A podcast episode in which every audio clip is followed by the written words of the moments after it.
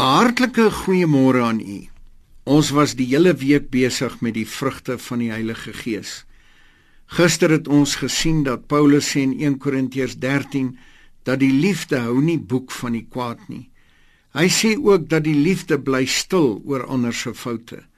Niks kan so negatief inwerk op ons vermoë om vrug te dra as onvergifnis nie. Jesus het dit so belangrik geag dat hy die onsse Vader opvolg met die noodsaaklikheid van vergifnis. Wanneer ons boekhou van ander se oortredinge, negeer ons Salomo se advies.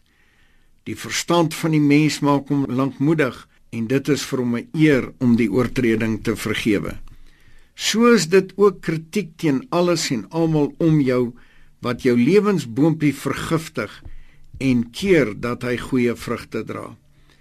Weet jy selfs kritiek wat jy net in jou gedagtes toelaat in staat is om jou vrede te versteur en jou verbitter te maak.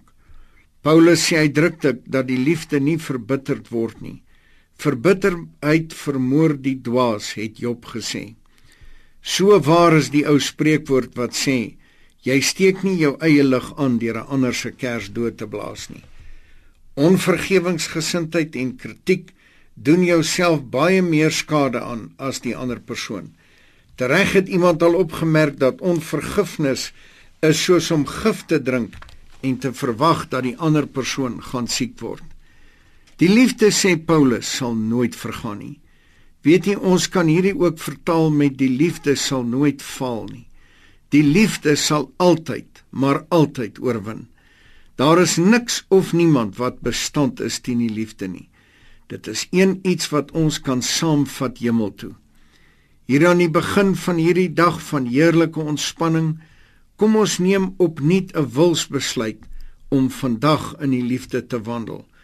Of dit op die golfbaan is of voor die televisie of rondom die braaivleisvuur, onthou, Jesus is lief vir jou en het jou volkome vergewe van al jou sondes. So kom ons tree ook so teenoor ander op. Kom ons bid saam. Dierbare Here Jesus, ons dra hierdie dag met al sy bedrywighede aan U op. Laat U liefde en vergifnis vandag deur elkeen van ons skyn. Amen.